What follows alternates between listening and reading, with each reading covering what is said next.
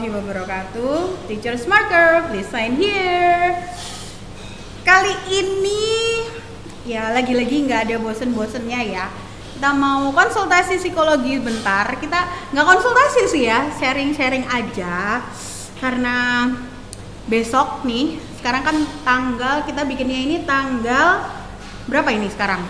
18 18. Desember. Nah, 18 eh, Desember 2020. Kebetulan besok 19 Desember kita akan membagikan rapot ke anak-anak didik kita ya, tercinta. Dan kita mau sharing-sharing nih eh, sama siapa nih? Tes-tes suara dulu dong. tes tes Tes tes. sama Ustazah Rinta lagi ya. halo halo halo Jadi Saudara Rinta, Ya. saya sudah selesai mengerjakan nilai-nilai dari anak-anak saya.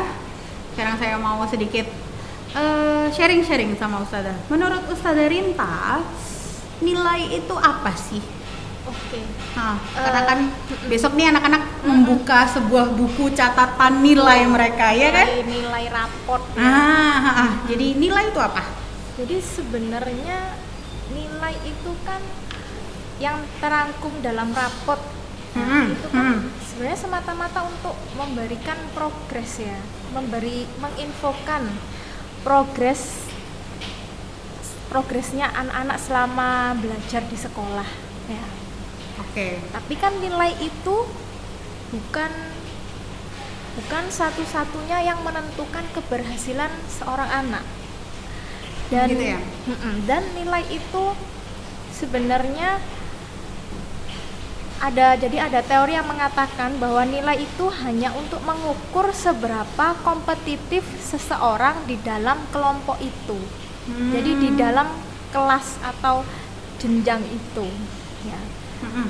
jadi bukan sebagai tolak ukur oh ini anak ini akan sukses anak ini akan masa depannya cerah atau oh anak ini ada yang mengatakan oh kalau anak ini bodoh karena nilainya jelek atau oh Hmm. anak ini nggak akan sukses nggak bisa diukur dari situ nggak bisa Hmm. diukur dari nilai karena ada ada nilai-nilai eh, Ya, kayak kayak gini kan Eh. kalau kalau misalkan saya pernah baca itu kan eh, nilai itu bagi jadi dua ya angka angka misalkan yang dihasilkan dari kompetisi itu tadi mungkin ya Ah, dan satunya adalah karakter Iya betul. Nah. Jadi karakter atau skill ya, karakter Hmm. dan skill yang uh, harusnya anak itu memperoleh itu.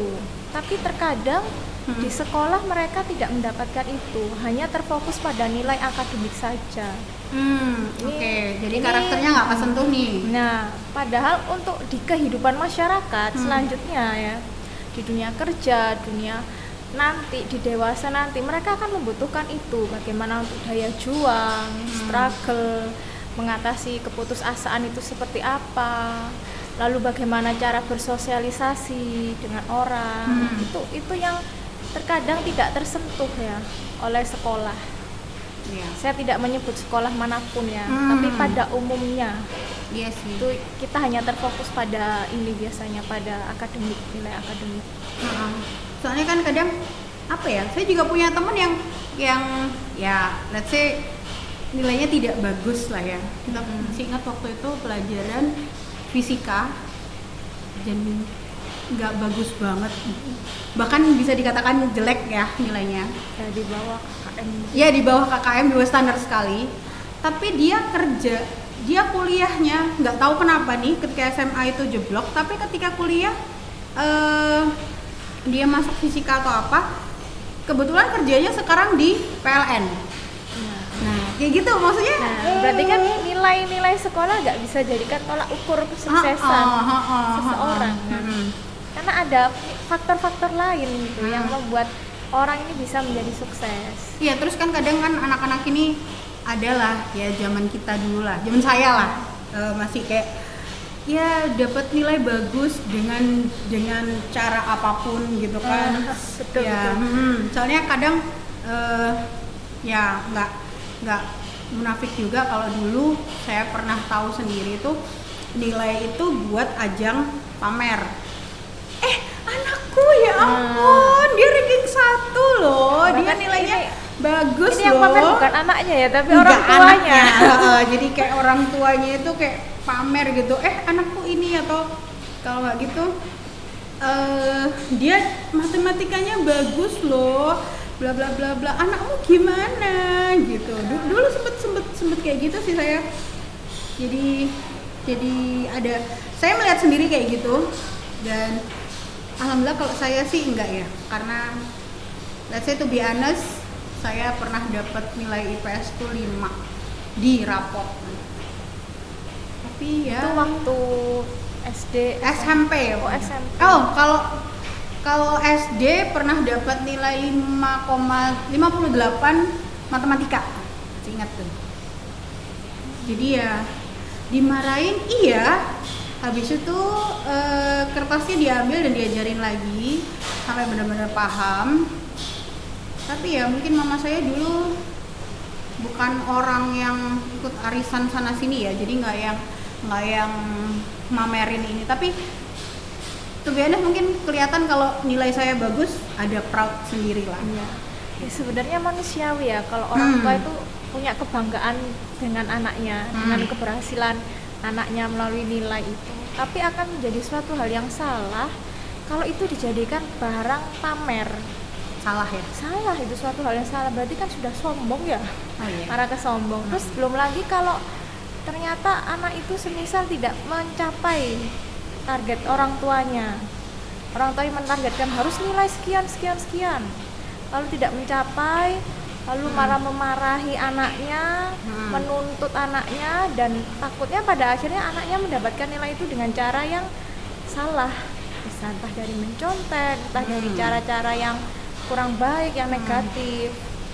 Nah itu kan bisa menjadi suatu hal yang salah. Padahal niatnya mungkin baik ya, ingin membanggakan anaknya. iya kan aku membanggakan anakku loh anakku nilai 9 aku aku pamer-pamerkan nih ke temen-temenku gitu loh Sebenarnya tapi akhirnya dia punya standar yang Iya, terlalu tinggi ya Betul. Sebenarnya ya kalau kalau anak saya misalnya kalau nanti saya punya anak ya, kalau nilainya bagus sebenarnya nggak usah dipamerin ya kalau saya sih ya. Mm. Tapi saya akan mengapresiasi anak saya. Saya lebih fokus ke situ sih.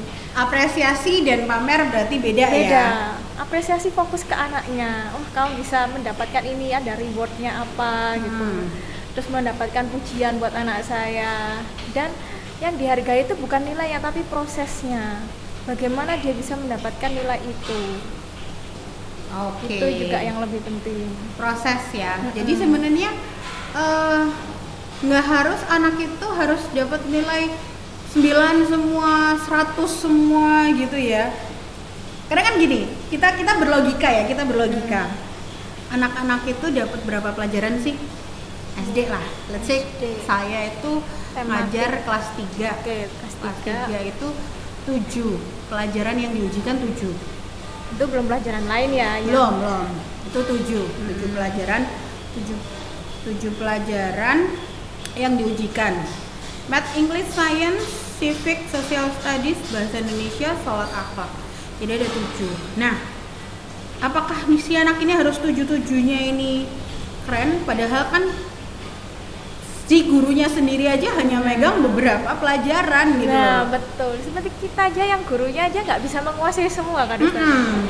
Kita hanya terfokus pada satu. Makanya ketika melihat nilai saya harusnya ya orang tua dan guru itu terfokus pada potensinya anak ini.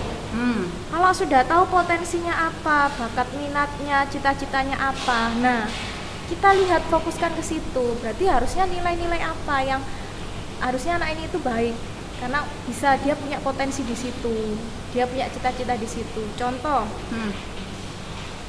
eh, eh, dia punya potensi di Mathematics hitung, bisa Ya, ngitung cepat. bisa ngitung cepat Kayak dia kumuan gitu. poten, ya mungkin Ah. potensinya di situ nah carilah nanti yang bisa mengarahkan cita-citanya ke yang ada hubungan dengan matematika jadi nggak perlu dia harus semua nilainya 9 nggak perlu kita kembalikan ke potensi bakat minatnya dia apa Kita Berarti yang bagus dinaikin, yang kurang dilengkapin atau gimana? Soalnya kan kalau kalau mindsetnya orang kan anakku nggak bisa matematika, jadi aku lesin matematika. Anakku nggak bisa bahasa Inggris, jadi aku lesin bahasa Inggris. Itu harusnya kayak gimana? Atau misalkan nih si A si A ini matematikanya kurang tapi bahasa Inggrisnya bagus yang harus dilakukan orang tua adalah memberi tambahan les bahasa Inggris untuk meningkatkan yang dia bisa potensinya di sini atau harus justru les matematika biar dia matematikanya juga bagus seperti bahasa Inggrisnya. Harusnya gimana nih? Gini kan kita kan apalagi orang tua biasanya lebih tahu ya potensinya Nah. anak apa. Kalau sudah tahu potensinya di bahasa Inggris kita dukung ke situ. Itu sih saran dari saya ya. Bukan malah Oke. dikasih les enggak matematika kalaupun ya? matematika cukup di misal ada KKM-nya ya. Hmm. oke cukup minimal KKM itu aja deh Gak sampai yang kita harus gak usah belajar matematika iya salah Hmm. salah juga berarti menyadarkan anak untuk mungkin daya juangnya jadi kurang kan ya Hmm. tetap belajar matematika tapi tidak yang terfokus di situ kita fokuskan ke potensinya bakat Hmm, minatnya oke. dia yang penting KKM ya cukup di KKM saja Hmm. cukup dia mengerti matematika itu sudah tapi tidak yang harus perfect kan dia sudah Hmm. perfect di bahasa Inggrisnya ya Hmm. Berarti digali lagi potensinya kayak gimana mungkin dari Inggrisnya dia bisa Karena terkadang Eh, ini, ini. di psikologi juga ya Hmm. kan ada namanya psikologi positif hmm. nah rata-rata orang itu akan melihat kekurangan Hmm. lalu mencari cara supaya kekurangan itu ditutupi bukan ditutupi ya diselesaikan ya di, Hmm. di mencari solusi untuk kekurangan itu tapi mereka tidak fokus ke kelebihannya padahal kelebihan itu kan bisa menjadikan suatu yang lebih lagi menjadi bakat potensinya si anak Hmm, gitu dan memang bahkan mungkin di bimbingan dan konseling tidak di sekolah ini ya maksudnya Hmm. di beberapa pada umumnya mereka hanya terfokus ke anak-anak yang masalah ke Hmm. anak-anak yang bolos atau apa gitu kan Hmm. tapi tidak fokus ke psikologi positif pengembangan pengembangan siswa nah itu itu yang masih kendala besar di BK Indonesia ya. Iya, iya, iya. seperti itu. Itu PR jadi terbesar. mungkin em, bisa ini deh mungkin kasih saran. Mungkin kalau ada bunda-bunda yang denger nih ada bunda-bunda yang denger gimana persiapannya. Kadang kan kalau bunda tuh lihat pasti yang pertama di- dilihat adalah nilainya. Padahal rapot kita itu kan tidak hanya tidak hanya nilai angka ya tidak hanya akademisnya aja tapi juga di situ ada terselip karakter buildingnya seperti apa Betul. si anak sholatnya kayak gimana doa hariannya kayak gimana mereka ini harus lebih melihat ke yang mana sih sebenarnya Iya, jadi eh, eh, jangan hanya terfokus pada nilai rapot akademiknya saja. Harus lihat dari karakternya, skill skillnya dia. Karena gini, gak semua profesi atau cita-cita itu harus menuntut nilai yang yang sempurna. Contoh ya, ada ada contoh Coco Coco Chanel. Bener? Profesional. ya Ya, yang brand brand ternama. Hah? Dia hanya lulusan SMA. oh sh- oh yang punya brand channel itu Heeh, dia hanya yang C lulusan- sama C kebalik itu Iya, Oh, betul. oke. Dia nggak memerlukan eh, sampai harus S2, S3, tapi dia punya bakat di situ.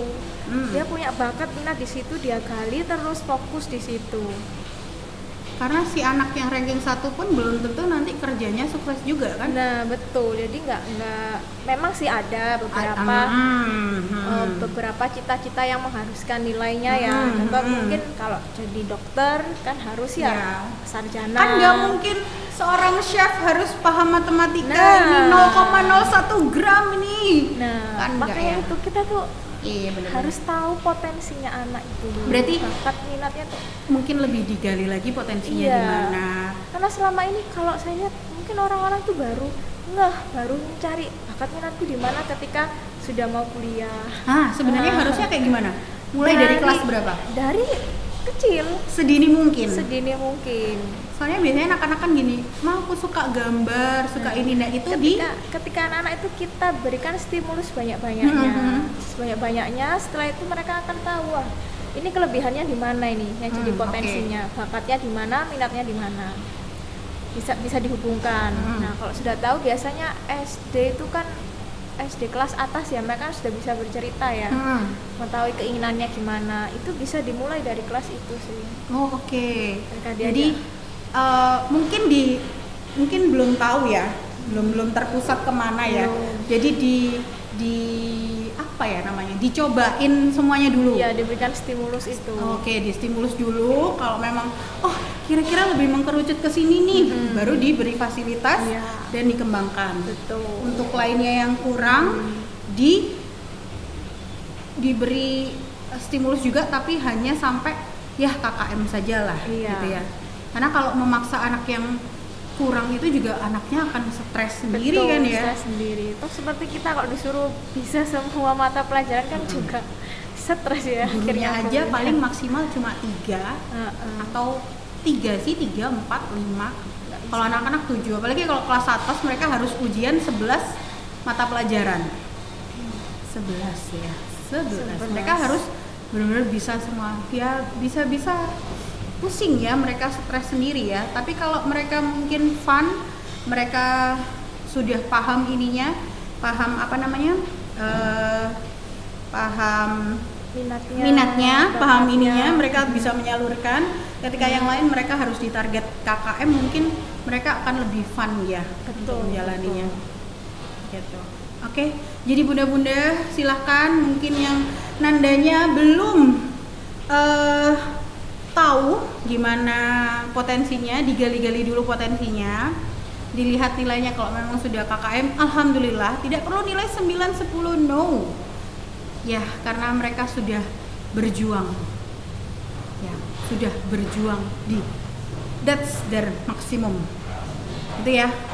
Iya, betul dan dan ini sih Ustazah, Hmm.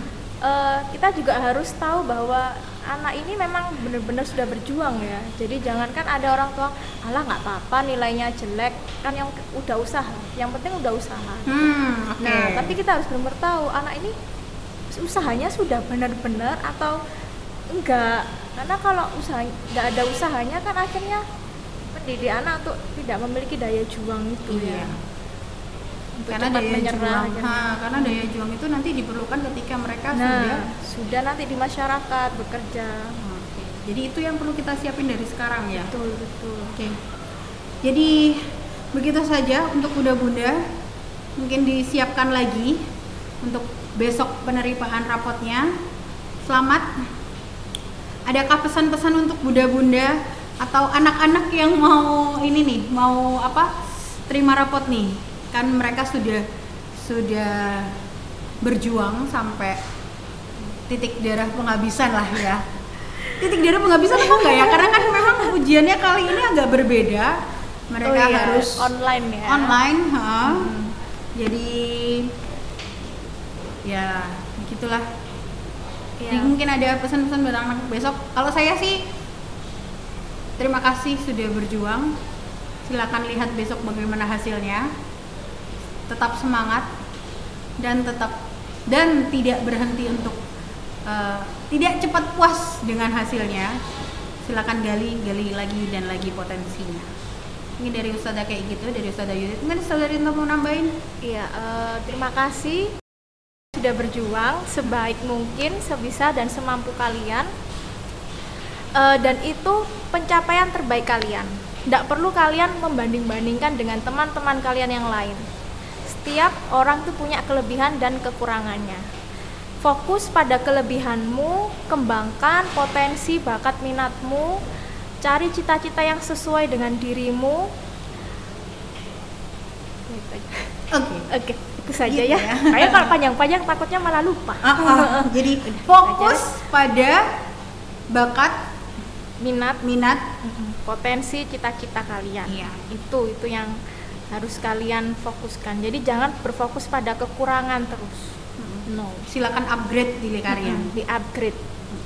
Terima kasih ya Ustazah Rinta sudah sharing-sharing di sore hari yang sendu ini. Sendu. Untuk yang lain, selamat deg-degan dulu. Silakan besok dilihat hasilnya seperti apa. Terima kasih untuk podcast kali ini. Sekian. Wassalamualaikum warahmatullahi wabarakatuh. Waalaikumsalam warahmatullahi wabarakatuh.